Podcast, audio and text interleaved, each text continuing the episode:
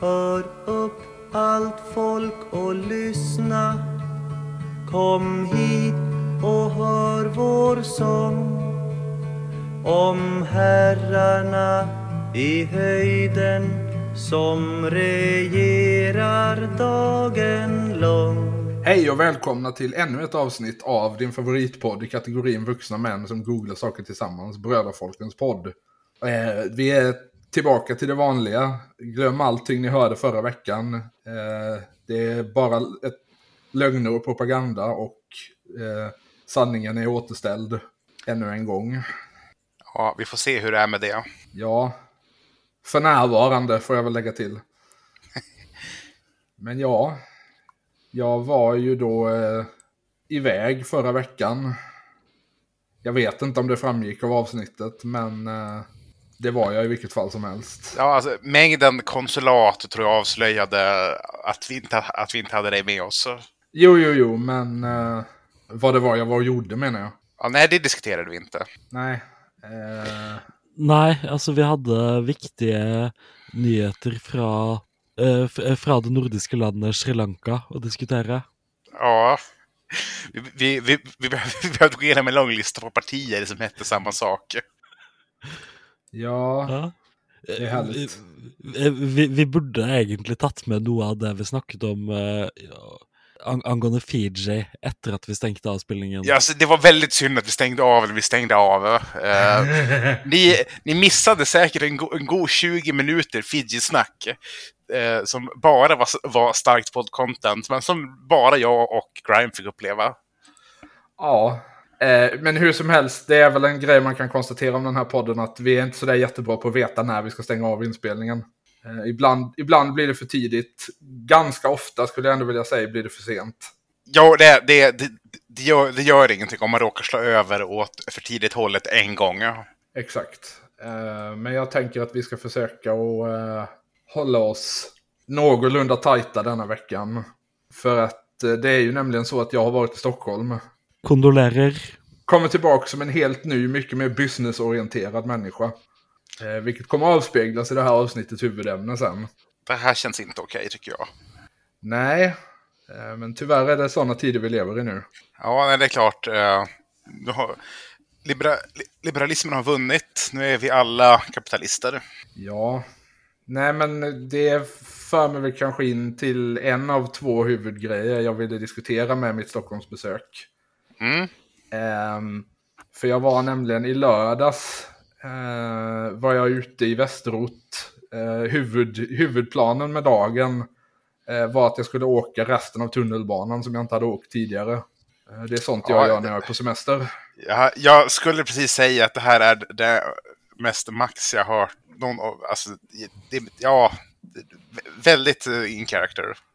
Ja, eh, hur som helst när jag skulle ta bussen ifrån Hässelby till Tensta eh, så upptäckte jag att den gick förbi eh, Spånga idrottsplats. Vilket eh, för de av er som inte vet eh, och eh, i så fall är ni förlåtna för det är lite förvirrande men eh, Spånga idrottsplats är platsen där Järvaveckan äger rum. Ja, just ja. Eh, som är... Det är ju liksom, jag tänker vi kan slå hål på lite myter om Järvaveckan. Börja med att den skulle äga rum eh, i Järvaförorterna, det gör den inte. Utan den är på en idrottsplats som ligger i ett villaområde i anslutning till Tensta. Ja, jag hade gissat att den låg i Järva, men det är fel alltså. Ja, eller det är väl liksom, jag vet inte riktigt var Järva börjar och slutar, men Vi har ju som eh, av, av principskäl valt att inte lära oss hur Stockholm ser ut. Eller funkar. exakt.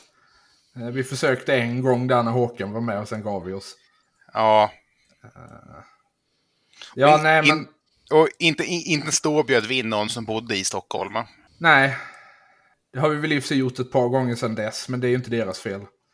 Nej, Eller delvis är det väl kanske det. ja, de, de, de bjöds ju inte in i egenskap som haver... Stockholmsmänniskor. ehm, Mm. nej, det får man väl ändå säga va. Men eh, hur som helst, eh, så missuppfattning nummer ett, att Järvaveckan skulle äga rum i Järva. Eh, missuppfattning nummer två, eh, som i alla fall jag hade, var att det skulle vara liksom som ja men typ som Almedalen fast i Stockholm. Ja, men det är väl bara för att vi är så, Eller i anslutning till alltså, det är bara för att vi är så skadade och bara tänker på politik hela tiden. Att vi tänker att okay, men det hålls ett tal, då är det nog bara det som gäller. Ja, för att... Ja, men det känns ju som att... Nu kommer jag inte ihåg exakt när Järvaveckan började, men det kändes ju som att det liksom lanserades som lite av en motpol till Almedalsveckan. Att liksom Almedalen är 2000 politiker, lobbyister och pressfolk som åker på semester en vecka i liksom någon sorts medeltidskuliss. Jag menar, så, Där det inte finns några vanliga människor. Ignorera då de 50 000 vanliga människor som bor på Gotland. ja, men det, det gör vi väl som nation generellt. Ja, nej, men ja, Ja. Almedalen känns... Men ø, hvor vanlige er det egentlig hvis de bor på Gotland? Det är också en bra poäng. Ja, nej, det är faktiskt helt sant.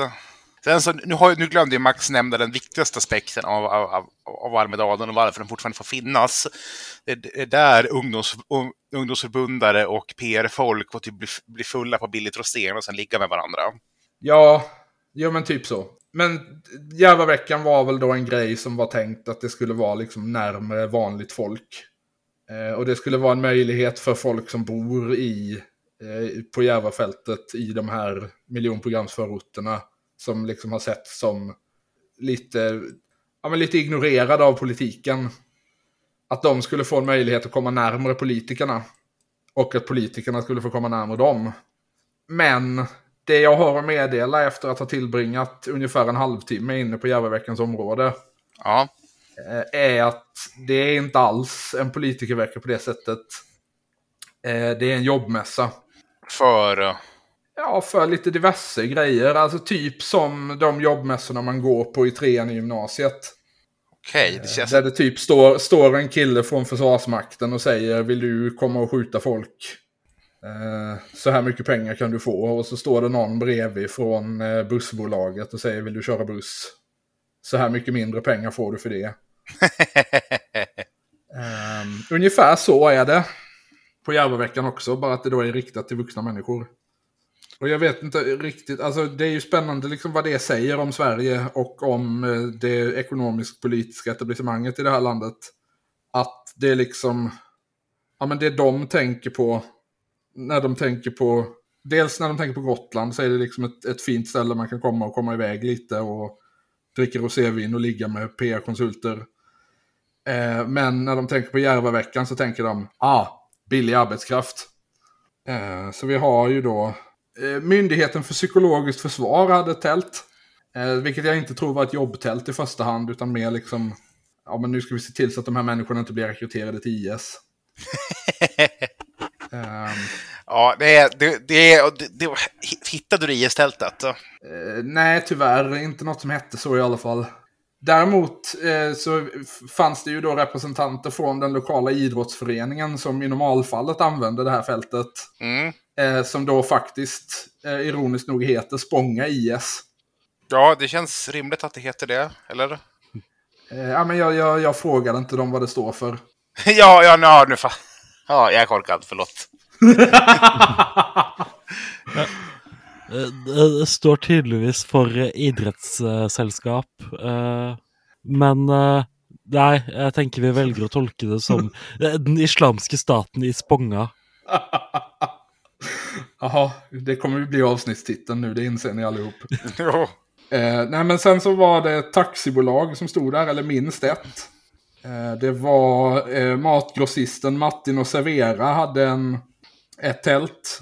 Eh, där huvud, eller liksom skylten som stod utanför har rubriken Är du nyfiken på hur man plockar varor på ett lager? Nej, det jag. Det är... Eh, min gissning är att om Martin och Servera har ett tält på Almedalsveckan så är det nog inte så de marknadsför det. Nej, så... Fast nu hoppas jag att det är så. Eh, och sen fastighetsbolaget Victoriahem har, kommer prata jobb med oss. Är du vår nya förvaltare, miljövärd eller kanske fastighetstekniker? Kom in och prata med oss i tältet. Ja, så det, Eh. det... Man tror ju inte heller att de rekryterar förvaltare, eller fastighetsförvaltare, på... Almedalsveckan, nej. Eh, och sen hade MTR ett tält också såklart. Vänta, vem, hade NTR? Det är... De som kör tunnelbanan och pendeltågen. Ja, de klart. Det första man får upp om man googlar är, är Sveriges trädgårdsskyddsförening. Eh, Jag tänkte, att, jag tänkte att det inte var dem. Nej. Sen var det också ett, ett tält som jag tyckte var lite småkul. Jag tror det var det största på området. Eh, med skylten utanför Järvaveckans torghandel. Eh, det är alltså en grönsaksmarknad mitt i. Ja, men det är lite trevligt. Så. För då tänker de, ja men vad, eh, vad, vad ska vi sätta här i mitten? Vad gillar invandrare? Jag vet, grönsaksmarknad. Jag gillar grönsaksmarknad. Nu, nu, nu vart jag lite sugen på att gå. Ja, men altså, hvem gjør ikke det? Ja, nej men det är väl... Det är väl kanske tanken att man ska få folk att ta sig dit istället för att gå på Tensta centrum och köpa sina grönsaker kanske. Eh, samtidigt vill jag ju väl kanske märka då att det är något mindre polispådrag runt Tensta centrum. Så jag tror inte det är det, liksom det rimligaste stället för någon att gå. Så det var, det var mycket poliser på eh, det här. Ja, ja, eller det var liksom säkerhetsvakter överallt. Såklart. Ja. Det var liksom ett inhägnat litet område inne på den här idrottsplatsen. Och så fick man liksom visa sin väska när man skulle gå in där. Det är alltså, det... Då hade, då hade jag nog gått hem, oavsett hur bra grönsaksmarknaden är. Då. Mm, lite så va? Men v- hvorfor? Hvorfor var det nødvendig? Eh, ja, men det, det är ju invandrare där. Det vet man ju inte vad de ska göra. Nei, men altså Og så eh, eh, va- Var de redd for at folk hadde med egne grønnsaker i stedet for å gå på grønnsaksmarkedet? Ja, kanske det. Ja, nej men det var väl mitt, eh, mitt samlade intryck därifrån. Och sen var det ju mycket typ en massa storbolag som sponsrade det och hade skyltar överallt. Eh, men som inte sågs till överhuvudtaget. Och så var typ alla de borgerliga partierna representerade. Eh, Jag tror inte SD var där, för de vet nog bättre, men... jo, nej, men det, det brukar vara en hel grej att Jimmie Åkesson in, aldrig, aldrig är där. Nej. Så det är, ja, men det är typ som sammantaget då som de här... Eh, så där, du, där du går. De skickar in alla gymnasieeleverna i den lokala bandyhallen och lyssnar på någon, någon gubbe från det kommunala fastighetsbolaget. Bara att här eh, står Per Bolund i en hörna också och pratar om utsläppsrätter. Det var, Å ja. alle sånne eh, jobbmesser jeg har blitt utsatt for, eh, var altså sånn eh, Ca. 70 av arealet var tatt opp av ulike oljeselskap. Ja, ja Jeg, men det, jeg, är, jeg, no- det Norge jeg, jeg mistenker at det er ganske spesielt for eh, Norge, og kanskje særlig altså Vestlandet. Ja, det är nog ingenting jag såg så mycket av. Nei, men altså eh, eh, Sverige har vel ingen store oljeselskap? Nej, det är väl mer i så fall att eh, de eh, gör reklam för att man kan komma och jobba hos dem i Norge. Så var det mycket när jag gick på gymnasiet. Att eh, Sverige försökte outsourca sin arbetslöshet. Eh, eh, Leter du etter en jobb? Dra, vi vil ikke ha deg her. Ungefär så. Det var väl regeringen Reinfeldts arbetsmarknadspolitik. ja, att, att, rensa, att, att rensa fisk i Nordnorge, det kommer jag ihåg var ett... eh, Ja, Eh, også det å skrelle og mose bananer eh, for å lage babymat eh, var, va, va, var en altså eh, Typisk svenskejobb, eh, husker jeg. ja. Man älskar ju begreppet svensk jobb. Det, det, det, det tycker jag om. ja, men det är härligt. Jag tycker vi borde, vi borde, säg, vi borde liksom lansera det hos alla borgerliga ledarsidor i Sverige. Se hur de reagerar. Eh, Ja, men altså, jeg, jeg tenker det er viktig at eh, Sverige ikke gjør for mye med, med ungdomsarbeidsledigheten, for det at eh, jeg, jeg, syns vi må få tilbake den perioden i, i det norske ordskiftet hvor vi behandlet eh, svenske arbeidsinnvandrere omtrent på samme måte som eh, amerikanerne gjør med meksikanske arbeidsinnvandrere. ja, vi behöver återinföra det norska Brasero-programmet. ja, nej. Så det var väl en av, en av två grejer jag gjorde där som jag känner är värda att notera. Ja, Eh, Det andra var ju, ja men som ni andra två som är här definitivt har märkt och några av er som lyssnar förmodligen också så eh, har det ju uppkommit, ja inte ett nytt säkerhetshot mot Sverige men Eh, ett, ett gammalt har dykt upp igen. Eh, ja, så, alltså, vi, vi, vi, vi pratar nu om Max eh, specifikt. Åh, eh, det var ikke mer spennende. Jeg, jeg håpte det var Sovjetunionen.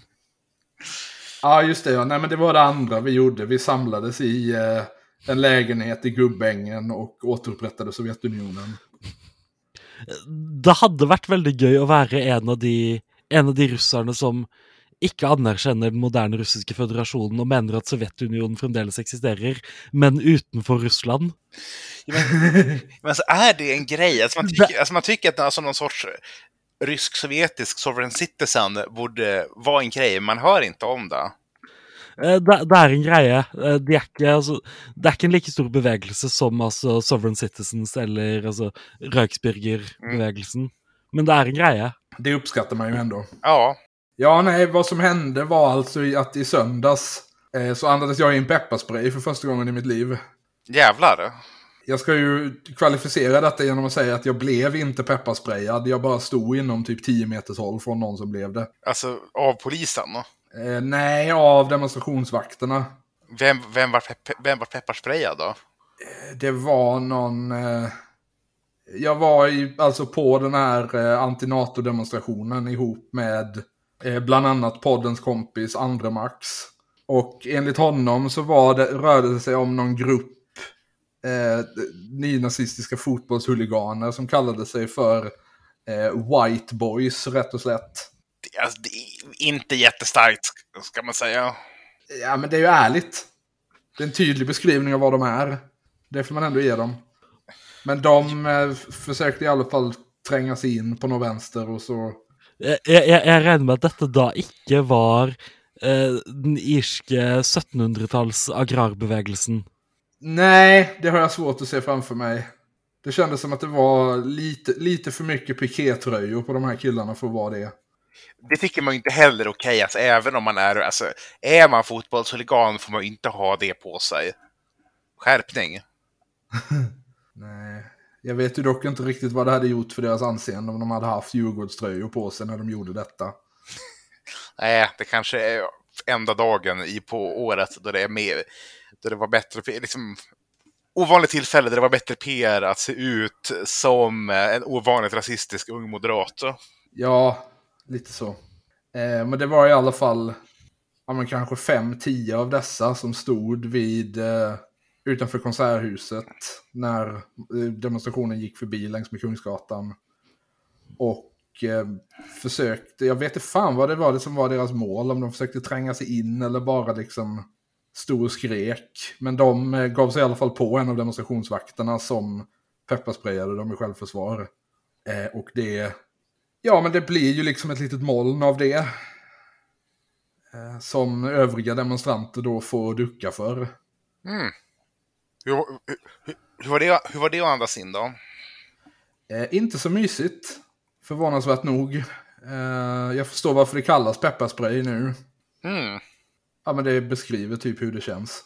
Ja, nej, jag kan tänka mig att det, det är inte känt för att vara trevligt. Så. Är inte riktigt det det är till för, va?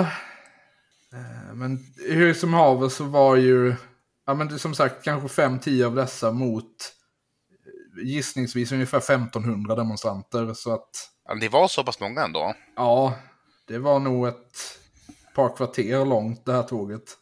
Nice. Så det var riktigt trevligt, ja. Tyvärr blev jag tvungen att avvika vid Kungsträdgården för jag var för hungrig för att fortsätta gå, men...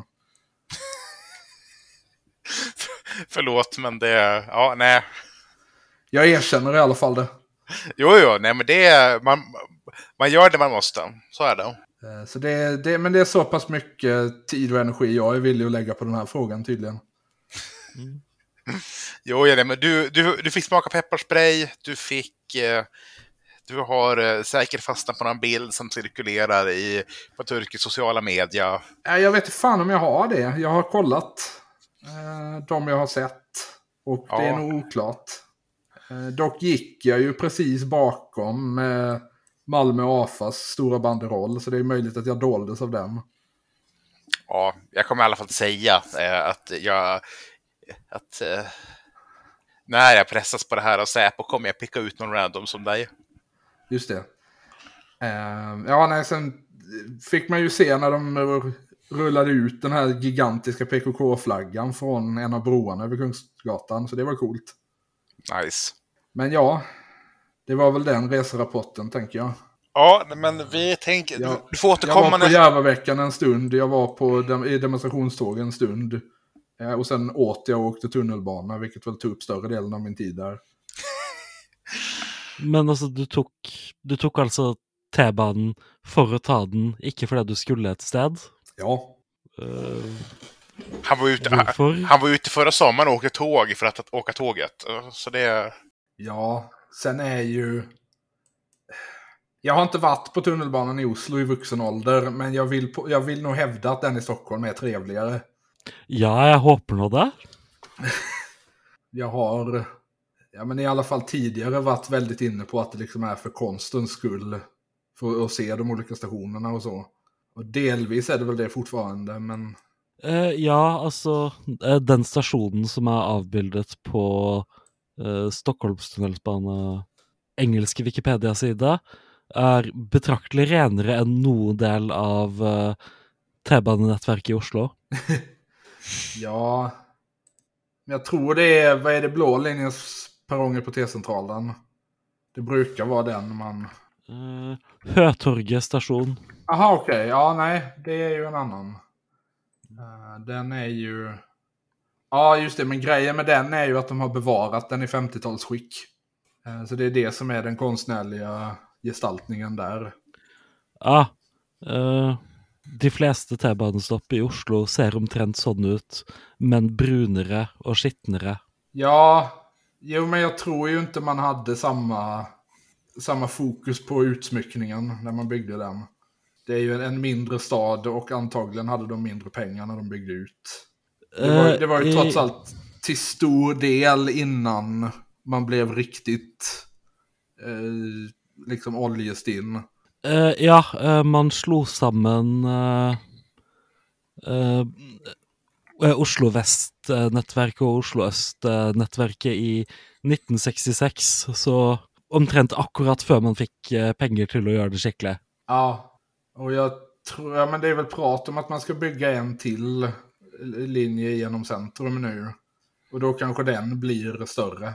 Ja, eh, det, det, det, det er godt mulig. Det er egentlig bare én offentlig transportlinje jeg bryr meg om. Jo, vi vet.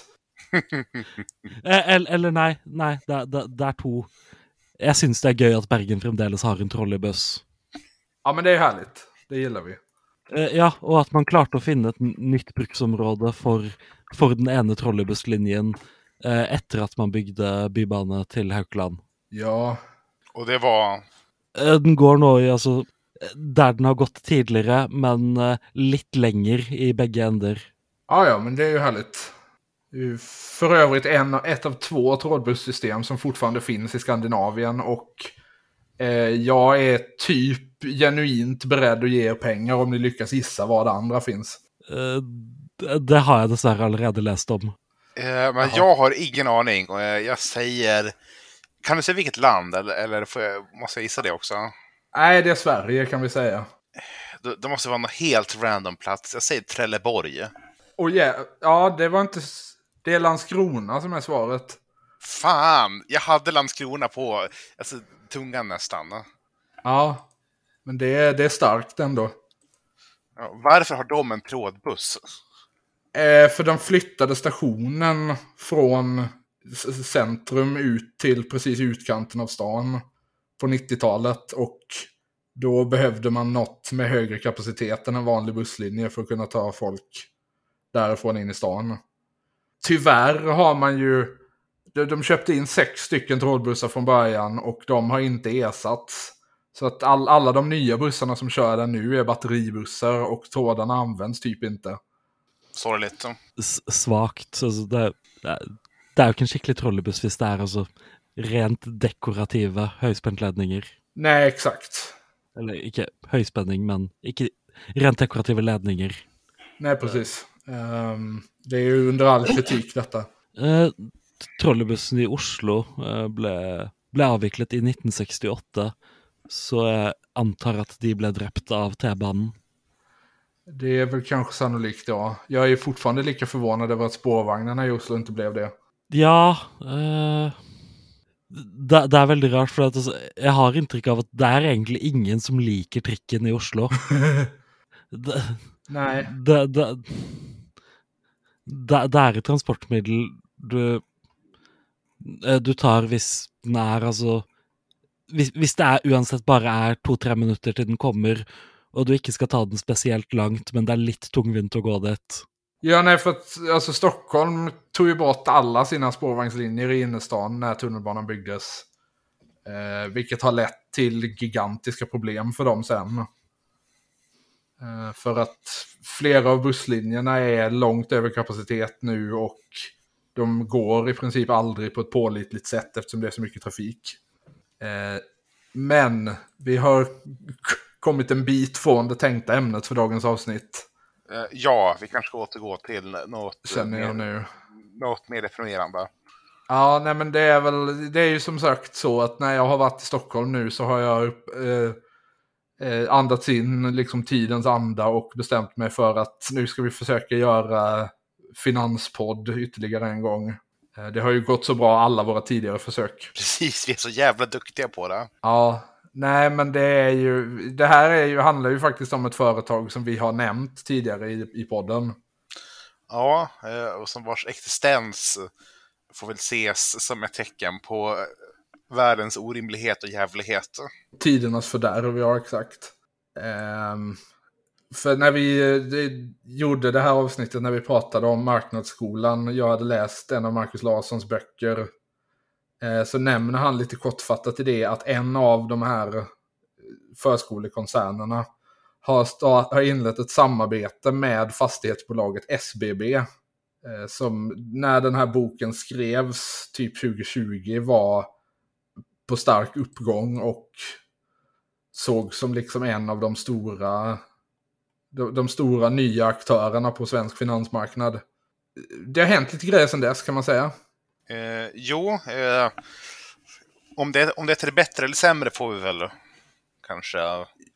Ja, det beror väl... Det är väl svårt att avgöra än så länge. Känner jag. Um, men det här företaget grundades ju i alla fall 2016 av en tidigare kommunpolitiker eh, och eh, montenegrin eh, som heter Ilja Batljan. Ja, det här, det här, det här är återkoppling till, för, till förra veckans ämne. Det, det, var, det vi också pratade om onda socialdemokrater från Balkan. Just det. Ja, det är ju faktiskt eh, mycket rimligt, ja. För att han har varit, ja men han har varit kommunalråd i Nynäshamn. Eh, han har varit landstingsråd i Stockholms län i opposition. Eh, och han har varit departementsråd på socialdepartementet under eh, regeringen Perssons tid. Och han... Eh, en, en, ett tidigt nedslag han gjorde i den nationella debatten var när han eh, som oppositionsråd i Stockholms läns landsting kritiserade finansieringen av Nya Karolinska. Ett eh, ett projekt som vi också har pratat om i den här podden tidigare. Han menade att eh, landstinget skulle förlora en massa pengar genom att lägga ut eh, den här driften på eh, olika privata aktörer och betala ut alldeles för mycket pengar till dem. Där man får ändå säga att det... Jo, nej, så han hade ju helt rätt i saken. Det hade han och han verkar dessutom ha lärt sig av det. Jo. Efter att han slutat som landstingsråd så gick han in som vice vd i vad som då hette aktiebolaget Dombron. Som senare har bytt namn till Rikshem. Vilket är ett, ett stort jävlarna. fastighetsbolag som ägs av den fjärde AP-fonden. Eh, och det är ju spännande. Alltså AP-fondernas roll i svensk ekonomi är ju, och liksom pensionsfonders roll i den moderna kapitalismen i allmänhet, är ju en sån grej som aldrig upphör att fascinera mig. Att liksom en gigantisk del av de pengar som rör sig ute på finansmarknaderna är offentligt ägande som bara har lagstiftats så att eh, förvaltarna ska bete sig som om det inte vore offentliga pengar. Det är ju sjukt när man beskriver det på det sättet. Visst är det. Det är liksom... Alltså jag vet ju inte hur många procent av ekonomin det rör sig om. Men liksom det offentliga i Sverige äger ju en ofantlig massa saker egentligen. Ja, alltså, om man satte det på något annat system, att liksom de som förvaltar det allmänna får inte, får inte bete sig som att det är det allmännas grejer. Då hade, alltså, det hade man ju inte kunnat göra med någonting annat. Eller ja, jo, det hade man visst kunnat göra. Fast det är ju, kommer vi ju tillbaka lite in på vad Battlian gjorde ja. eh, i sin senare karriär. Jo, precis. Jo, nej, jag kom på att det var en för naiv inställning till det. Just det. Eh, hade det här varit 1983 hade du väl fått rätt, men Ja, nu har det Tyvärr tyvärr hänt lite grejer sedan dess. till, till min stora sorg varje dag. Ja, det får vi väl ändå säga va. Eh, men hur som helst, han fick avgå. Han började den här tjänsten eh, 2011, fick avgå 2015. Eller avskedades 2015 efter att han hade, det avslöjades att han hade gjort en massa, han hade använt sin post i det här bolaget för att göra en massa fastighetsaffärer vid sidan av med sina egna pengar.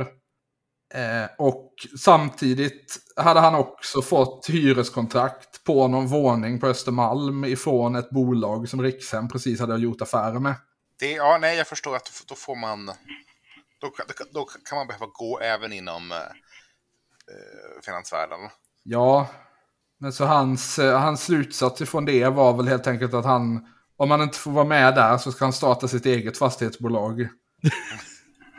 eh, Än så länge oklart hur mycket knark och prostituerade som var inblandade i det nya bolaget. Ja, det är bra att du säger det och inte jag. Eh, så då grundar han i alla fall SBB, Samhällsbyggnadsbolaget. Eh, och deras huvudsakliga, eller de, de gör egentligen två grejer. Eh, dels så förvaltar de eh, lägenheter. Framförallt miljonprogramslägenheter, men också en del runt om i småstäder i olika delar av Sverige. Mm. Eh, Min mormor var hyresgäst till dem fram tills ganska nyligen. Eh, Och då var det ett kanske 60-talshus mitt i centrala Ronneby. Jag har ingen aning om hur de var som hyresvärdar, men det där huset var väl kanske inte det bästa skicket jag har sett. Nej, eh, alltså, som hyresvärdar så vet vi väl inte om de var bät- bättre eller sämre än valfri annan. Nej, jag tänker att det är lite svårt att avgöra vem som är bra som privat hyresvärd. Mm. Eller nej, det är det inte för att ingen av dem är det. Men ja. Så ja, men dels är det det de gör, vilket är ganska klassiskt. Eh, liksom gammal kommunpamps eh, oligarkbolag-grej. Eh, men sen har de också en affärsidé som går ut på att de köper upp eh, olika offentliga fastigheter ifrån kommuner och myndigheter som är eh, har ekonomiska problem. Och sen hyr de tillbaka. Vilket, vilket är en otroligt bra affärsidé. Det låter det som i alla fall. Ja, eh, upp till en viss punkt ska det visa sig. Jo, Ehm, för att grejen är den att väldigt länge gick det väldigt, väldigt bra för SBB. Deras aktie steg hela tiden och blev också väldigt populär bland olika småsparare och fonder. I och med att det är liksom fastighets eh, tillgångar de har så blir det ju en väldigt säker grej att satsa pengar på. Tänker man sig. mm. Det är liksom traditionell visdom att mark är den tryggaste tillgången du kan ha, typ. jo och det, det här blir som ett... När du hyr tillbaka till de du köpte av. Eh, och då, det är som Alltså- alltså, det, det, är, det är en oändlig pengakälla, känns det som. För mig som inte vet hur någonting av det här funkar. Ja, Ja, altså du skal, du skal gjøre noe ganske dumt eller ganske ulovlig for å ikke tjene penger eh, på, på, på eiendom. mm, s jo. Eh, men grejen är ju den att det har visat sig nu, ja men den sista månaden kanske, att eh, en, alltså SBB har kunnat växa så här oerhört snabbt som de har gjort. Genom att ta ut en jävla massa lån. Ja, Eh, såklart. och- som jag förstår det eh, så har den här krisen som har uppstått nu haft sin grund i att de avslöjade i sin delårsrapport nu att deras skuldsättning har blivit så pass tung att bolaget eventuellt inte kommer kunna klara av att betala. Det ska man inte berätta. Det fattar väl till och med jag. Nej. Nu var det min tur att hålla på att bli naiv, för jag höll på att säga att det finns väl vissa juridiska krav. Mm, jo, nej, det gör det nog. Ja. Men de har tydligen valt då att inte, att, att liksom, åtminstone delvis av sin egen fria vilja under, underkasta sig de här kraven. På ett sätt som man kanske inte riktigt hade väntat sig ändå. Nej, det är imponerande ändå. Ja, så det får man, alltså SBBs styrelse ska väl ändå ha en eloge för det, tänker jag. På något väldigt begränsat sätt. Eh, samtidigt så har ju, ja men det här har lett till att aktien har störtrasat. I ehm, runt årsskiftet och större delen av vintern så låg aktiepriset runt en 20-lapp ungefär för en B-aktie. Och eh, idag vid börsens stängning var den nere på 5 kronor och 22 öre. Nice. Så det här fastighetsbolaget återigen, som sitter på den tryggaste ekonomiska tillgången man kan ha, har alltså förlorat 75% av sitt aktievärde. Hur, hur många procent sa du? Eh, eh, beklager, jeg ble bare litt satt ut. Sa, sa du, sa du 20-lapp? Ja, Som i 20 kroner i form av en lapp? ja. Ikke en mynt? Jo, eh, det var ett förslag nu senast vi eh, gjorde om mynten att 20 kronor skulle gå från en sedel till ett mynt som det är i Danmark och Norge. Men eh, detta röstades ner av riksdagen. Så att i Sverige är det fortfarande en sedel. Brian blev så, helt, så chockad av det här att han blev helt uh, ställd. Ja. Eh, en sak som är värd att notera ser jag här nu. Ja, jeg, jeg, måtte, jeg måtte bare skru mikrofonarmen fast til bordet. Eh, en, en sak som jag ser nu som är värd att notera är ju dock att det här är efter att den har gjort en liten återhämtning. För att förra veckan var den nere på 3,44. Starkt. Så att eh, vid det laget hade de alltså förlorat ungefär 85% av sitt aktievärde. Men, de, de, dere har tokronersmynter også? Ja. Fast det är nytt. Eh, Det infördes i samband med det där.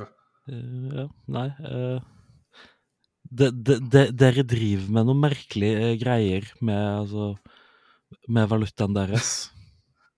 Jeg, jeg, jeg innser nå også at jeg tror aldri jeg har sett en svensk krone. Nej. Eh, Jag, jag ser dem ju knappast längre. Det är väl inte åt det hållet valutan rör sig heller. Nei, jag. klart. Eh, ja Det är- eh, Men nej, alltså man ser ju. det, er nå for så vidt noen år siden jeg har brukt kontanter regelmessig i det hele Ja, nej men det, är- det är ju så att man... Alltså det var ganska... Jag känner ändå att fram till ganska nyligen hade jag ganska vaga grepp om vilket av de nya mynten som var vilket. Eh, Just i och med att man använder dem så himla mycket mindre nu. Så att liksom om du... Om du väcker mig klockan tre på natten och frågar mig hur en enkrona ser ut, varför du nu skulle göra det, så skulle jag nog fortfarande säga att den var silvrig. Ja, det är det som eh, man, som man ser framför sig. Eh, Jo, jo, men eh, så klart er den det. Eh, Noe annet ville jo bare vært idiotisk. Precis. Jag älskar också att vi, eh, våran take på en finanspodd är att vi bara diskuterar hur olika mynt ser ut. Ja, men alltså, man kan ju inte diskutera finans liksom- allt för länge. Nu ska- då, Nu ska är vi man- prata pengar här och då tar vi det så, så, så bokstavligt vi bara kan. Då pratar vi fan pengar. Ja. Ja, men hva, hva, hvor mye mer er det å si om eh, SPB? De, de, de, de lånte veldig mye penger, var av en eller annen grunn ærlige på at de sannsynligvis ikke ville være i stand til å betale tilbake disse lånene. Og nå er, kommer de definitivt ikke til å klare det, siden eh, s- selskapet ikke er verdt noe som helst lenger. Nej, det är lite så. Och eh, Battlian har ju fått avgå ganska nyligen. Eh, han ersattes av eh, en man med något... Eh, no något underliga namnet Leiv Synnes. Alltså Leif fast med ett V. Leif, alltså, eller vänta, alltså, Leif med ett V. Ja. Leif Synnes. Som eh, tydligen har varit typ ekonomisk chef på Akelius tidigare. Alltså, Eh, jo, men altså eh, le- Leiv er jo no, noe man utelukkende Eh, en skri skrivemåte man utelukkende bruker om eh, altså eh, eh, eh, figurer som eh, altså så, Som i den grad de skrev navnet sitt, skrev navnet i runer og ikke i det eh, latinske alfabetet. Det, det er jo ingen det er jo ingen født etter 1200, 1200 som er helt Leiv. Ja, med ett undantag tydligen då. Um hur som helst så ledde ju detta till spekulation om att Akelius skulle börja köpa av SBBs bestånd. Eh, vilket jag skulle bli väldigt förvånad med tanke på att de drog sig ur Sverige ganska på ett ganska abrupt sätt för bara några år sedan. Eh, Men om de skulle göra det så är det ju såklart inte bra. Eh, sen om det är bättre, alltså om det är aktivt bättre eller sämre än att SBB fortsätter att existera vet jag ju inte. Eh, men den här, eh, den här kollapsen har ju i alla fall lett till en massa, en massa spekulation om var de här bostäderna kommer att hamna. Eller liksom bostäderna och framförallt de offentliga byggnaderna, vad som kommer hända med dem, vem som kommer ta över ägandet. För att det är väl ganska, det är väl allom uppenbart tror jag att SBB kommer behöva sälja av en massa för att kunna fortsätta som företag. eh. Alternat, alternativt kommer de gå i konkurs, vilket leder till att allting kommer att säljas av. Ja, men altså når det, kom, når det gjelder hvor de kommer til å havne, så tenker jeg at de kommer til å bli værende på det stedet de er. Det, det tviler, tviler på at det er altså eh, økonomisk eh, effektivt å løfte opp hele bygg, byggmassen og flytte den. Ja, Fy fan för dig. ehm, Ja, nej, det, det, det har helt rätt. De kommer nog vara kvar där de är rent fysiskt. ja, eh, troligtvis. Eh, men det som, alltså det som får, det som framförallt har fått folk att diskutera det här är ju, ja men dels så vill både Vänsterpartiet och eh, till deras förtjänst faktiskt också sossarna att staten köper tillbaka de här grejerna. Eh, för att de anser, och har väl inte helt fel i det, att den här skandalen har visat hur jävla dumt det här med att privata företag köper offentliga fastigheter och hyr tillbaka dem är. Ja, det, det känns ju som någonting man skulle... Det känns ju hittepå. Ja, verkligen. Men sen det som också har satt igång den här diskussionen och som jag tror har varit lite vägledande för i alla fall sossarna i det här ställningstagandet är ju också att det har diskuterats att olika offentliga fastigheter som tidigare har, eller som för närvarande är i SBBs ägo kommer att tas över av utländska aktörer. Jo, och eh, värt att notera här är att eh, SVB typ äger diverse ja, men, lokaler som, som de sen hy- hyr tillbaka till, försvar, till Försvarsmakten. Ja, ehm, artikeln jag har här framför mig från SVT handlar om eh, Dalregementets kasern i Falun. Som är SBB-ägt. Jo, alltså... Det, det, alltså det, det, det, det är så dumt. Det är så jävla dumt. Ja, ja, nu bryr vi inte vi oss överdrivet mycket om Försvarsmakten, men det känns ju inte rimligt att liksom, även i en borgerlig stat så ska försvars... så ska liksom regementena vara privatägda. mm, Nej, men alltså, eh, de hade lejd alltså, kontorlokaler till alltså, eh, sivilt personell ansatt av Försvaret så är ju det är, är ju det en ting. Men att ha alltså, faktiske militære installasjoner i, i, i, i, private hender virker som en veldig dårlig Ja. idé. Nej, Ja. alltså den, den svenska staten mår utmärkt. Och jag vet inte var de här ryktena kommer ifrån. Ja, nej, alltså det känns... Alltså det är så fantastiskt att vi måste tillåta kinesiska kommunistpartiet att köpa upp svenska försvarsmakten, för annars vinner kommunisterna. Ja, eh, Ja, men jeg, jeg, ser frem til at eh, altså, eh, Dalregimentet blir eh, Sveriges Wagner. Ja, jo, men det, det, det är där vi kommer hamna. ja, nej, de är en av intressenterna som har nämnts som är intresserad av att köpa Dalregementets eh, garnison är ju då Hongkong-baserad. Och det här har lett till en del, eh, en del spännande diskurs. Ja, alltså där man till... Alltså jag, jag vet inte om man ska säga till hans cred eller till resten av borgerlighetens liksom bara oförmåga att ens vara borgerliga på ett rimligt sätt. Eh, typ Hanif Bali kommer ut för att bara nation- rationalisera skiten. Ja, Hva da? N- Nasjonalisere militæret? Ja, Radikalt forslag. Ja, eh, och nu har, efter att tidigare ha sagt att eh, staten håller sig utanför det här eh, för att det kan lösas marknadsmässigt, eh, så har nu eh, finansmarknadsminister Niklas Wykman, eh, som vi tidigare har nämnt i den här podden, framförallt i sammanhanget att han ser ut som en av observatörerna från tv-serien Fringe. Han har i alla fall kommit ut nu och sagt att de ska utreda det här. Eh, för att se... Ja, men Fortifikationsverket ska göra en utredning som ska kartlägga vilka av SBBs hyreslokaler som kan bedömas som säkerhetspolitiskt känsliga. Och eh, ja, men de, vill, de vill att staten ska kunna gå in och stoppa försäljningar ifall det är så att eh, säkerhetspolitiskt känsliga verksamheter skulle hamna i, ut, i utländsk ägo. Så de, de vill alltså inte förstatliga det, de vill bara se till att det är svenska oligarker som äger fastigheterna och inte ryska. Ja, nej, men liksom, vilket känns som en grej vi hade haft till att börja med. Liksom, även i men, en, en regering som bara vill behålla eh, men, allmänstillståndets generella jävlighet. Ja, det kan man ju tycka va, och det är väl antagligen där de har landat nu också.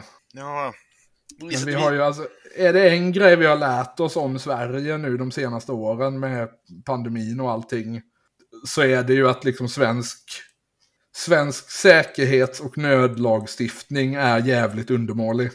Ja, nej, det visade sig att man kan, man kan inte lösa liksom, försvarspolitik med skatteavdrag och eh, liknande.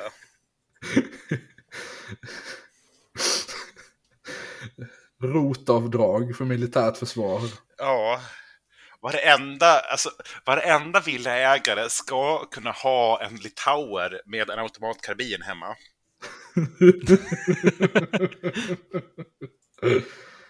Ja. Ja, men det, är väl, det blir väl där vi landar för denna veckan då. Ja, Vi, kan ju kan sam- konstatera- vi, vi, vi kan kanske som teaser inför nästa vecka säga att då blir det Norges Joe Rogan. Ja, men altså, det det er ikke en lang nok sak til at jeg tror det er spesielt aktuelt neste uke. Jeg tenker at vi heller kan uh, gå altså, ta, det, ta det Ja, men litt vi, kort. vi kör på det. Ja, men det kan vi göra så blir det inte Ja. bara Sverige. Ja. eh, så eh, som Albin nevnte, eh, Norges Joe Rogan, da podkasten Wolfgang V Uncut. Åh gud! Så kan man inte heta. Hva tenker du at eh, Wolfgang V eh, ikke er et navn man burde hete? Gud, det var ännu värre. Det, han, det, det, v, det är W-E-E. Ja. Dra åt Men vad fan. Och sen Uncut. Är det... eh, är det, är det någon sorts blinkning till Varg Vikenäs tror vi, eller? Eh, nei, jeg tror det bare er fordi at eh, alle episodene er sånn tre-fire timer lange og uten spesielt mye redigering. Ja, nu ska vi inte skjuta pil i glashus här tänker jag, men... Nej, nej, nej, absolut. Men vi heter ju inte Brödrafolkets podd Uncut. Vi heter bara Brödrafolkets podd. Och så, får vi, så vet folk att här är klippningen minimal och avsnittslängden lång. Ja, Men så, ingen har ju sett ut mer som en just specifikt norsk sexualbrottsling än Wolfgang V. Ja, Vad är det han hittar på nu? Eh, eh, ja, så eh, Wolfgang V, som eh, lager Norges mest populære podkast, tror jeg. Ja, I hvert fall én av de. Eh, dette er da en podkast hvor han eh, bruker én til fire timer eh, på å prate med en eller annen fullstendig uinteressant Civita-fyr, eller noen andre omtrent like intelligente mennesker, men hakket mer interessante. mm.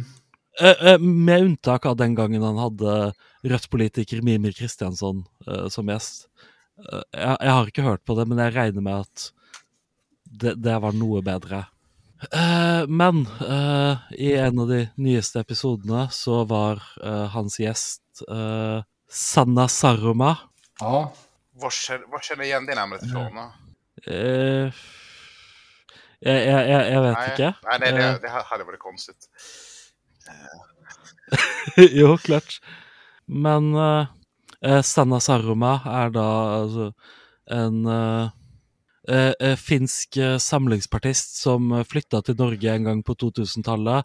eh, og siden, siden det har brukt eh, hver eneste dag på å skrive kronikker om hvor mye hun hater absolutt alt med Norge, og at alt er bedre i Finland. Okej, ja det är ju ett, eh, ett innovativt grepp. Ja, man... Eh. eh, Jag trodde det skulle vara att hon skrev om att hon hatar kommuniststaten Finland och att det var därför hon hade flyttat, men nej. Nei eh, i, Ingen vet helt hvorfor hun har flyttet til Norge, og hvorfor hun fortsatt bor i Norge. Nej, så det här är alltså som eh, John Me Park fast tvärtom. gått från, gått från Ja. höger till vänster är ju inte ett tecken på att man prioriterar rimliga saker. Nej. Eh, nei, eh, hun er nå ikke altså, aktiv i noe politisk parti, uh, mistenker jeg, så vidt jeg vet. Hun eh, trakk seg fra eh, sine verv i, i Venstre eh, etter at hun fikk veldig mye negative eh, kommentarer på en kronikk hun skrev om at eh, barn med Downs syndrom og autisme eh, ikke burde være i vanlige klasserom, fordi at det var forstyrrende for de ordentlige barna som kunne lære noe. Det känns som en sån grej som man jättelätt provocerar folk i vänster med. Det, det känns för elak åsikt. Ja, eh, Ja, nej men alltså i- den Så- så- genomsnittliga som- som i- liksom, ungliberala samlingen att ge sig på samhällsgruppen autister där är kanske inte det smartaste man kan göra. ja eh, og i, i, i- og med at uh, ca. 70 av alle venstrevelgere mistenker jeg er lærere, eh, så, så, er det også litt rart at eh, Det är ju spännande. at en av hennes favorittemaer for kronikkene sine er eh, å klage over at hvor utrolig dårlige norske lærere er på rettskriving. Alltså, man, man tänker ju lite grann och hem till Finland då. Ja, Ja, ikke lite grann. Eh, Det er egentlig det eneste jeg tenker når jeg leser noe Sanna Saroma har skrevet. men samtidigt, alltså just det här med norska lärare och rättskrivning, jag tänker att de gör det bästa de kan med det de har. Tänker du då liksom... Norska rättskrivningsregler är ju inte kända för att vara liksom konsekventa. hva da? Eh, eh, konsekvente og tydelige? Nei Nei, eh, det, blir litt vanskelig eh, når du i 90 av tilfeller har minst to alternativer som begge er riktige. Exakt.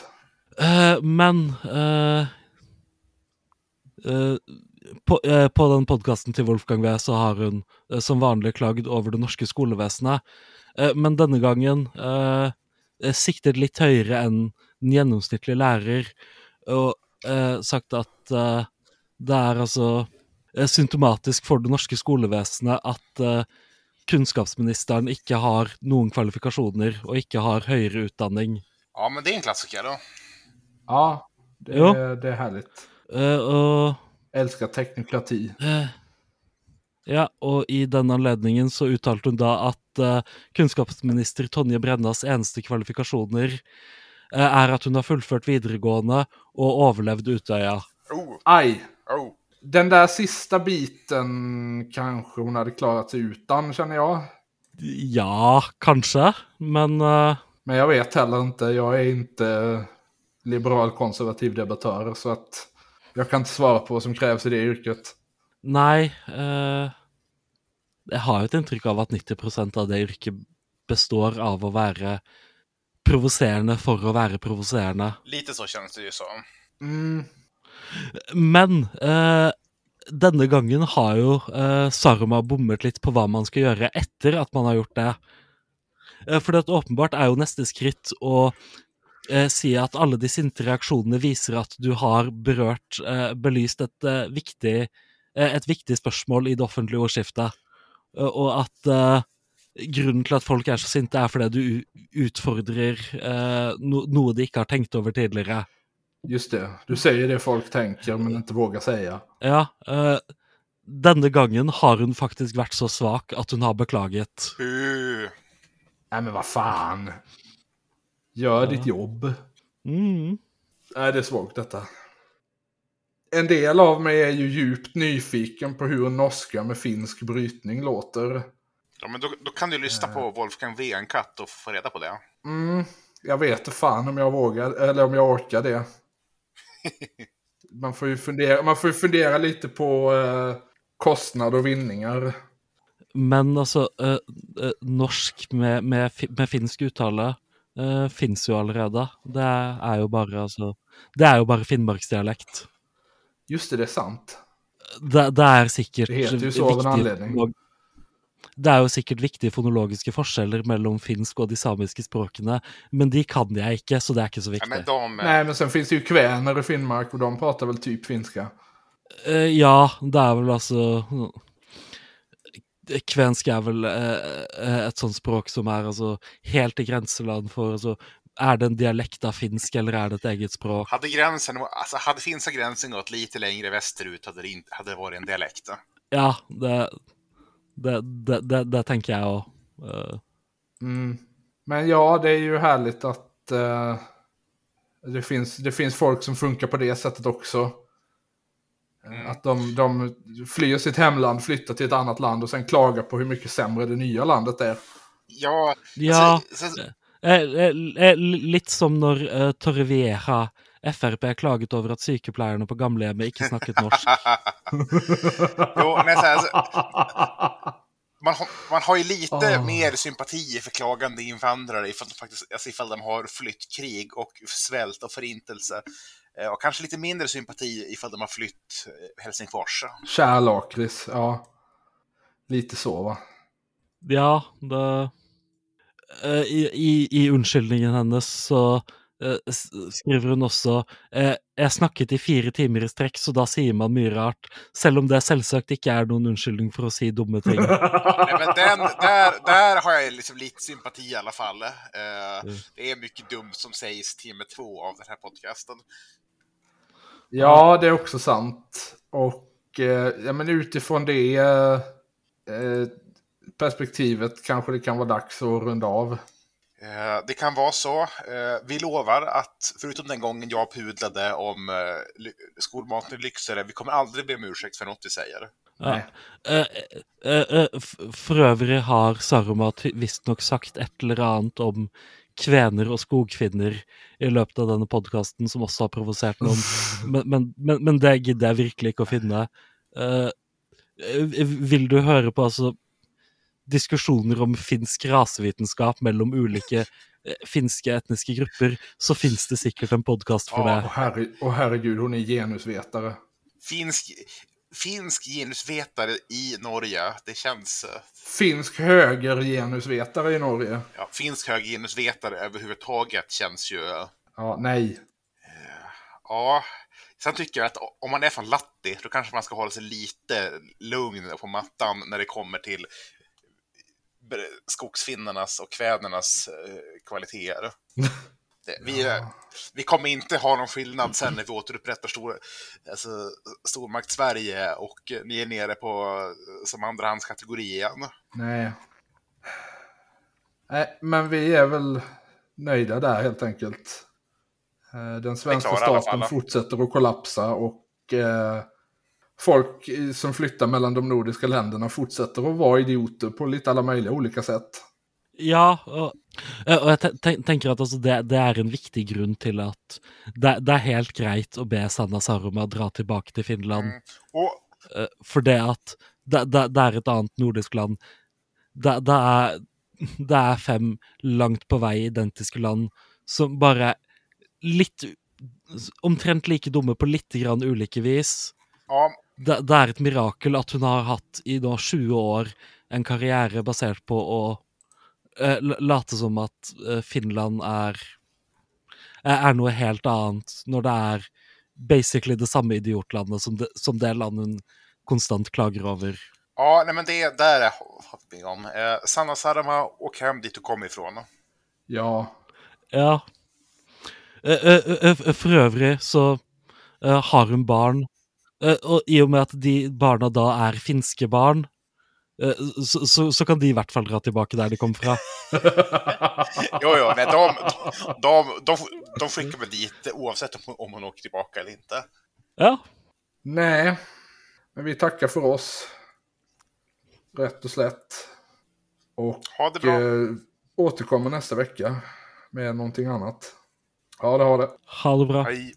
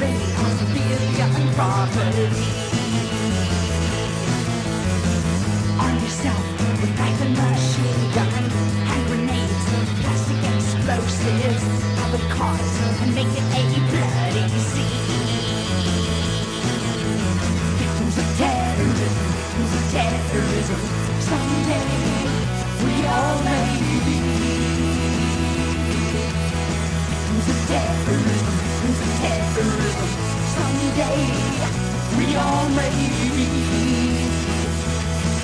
When you read the signs in the airport terminal, your heart is ticking like a bomb. When you walk the streets of an unknown capital, the hand of terror grips your arm. As you run along your destination, it's impossible the bridge ahead is gone. And your eyes out of the electric substation, got a dose of the double pipe bomb.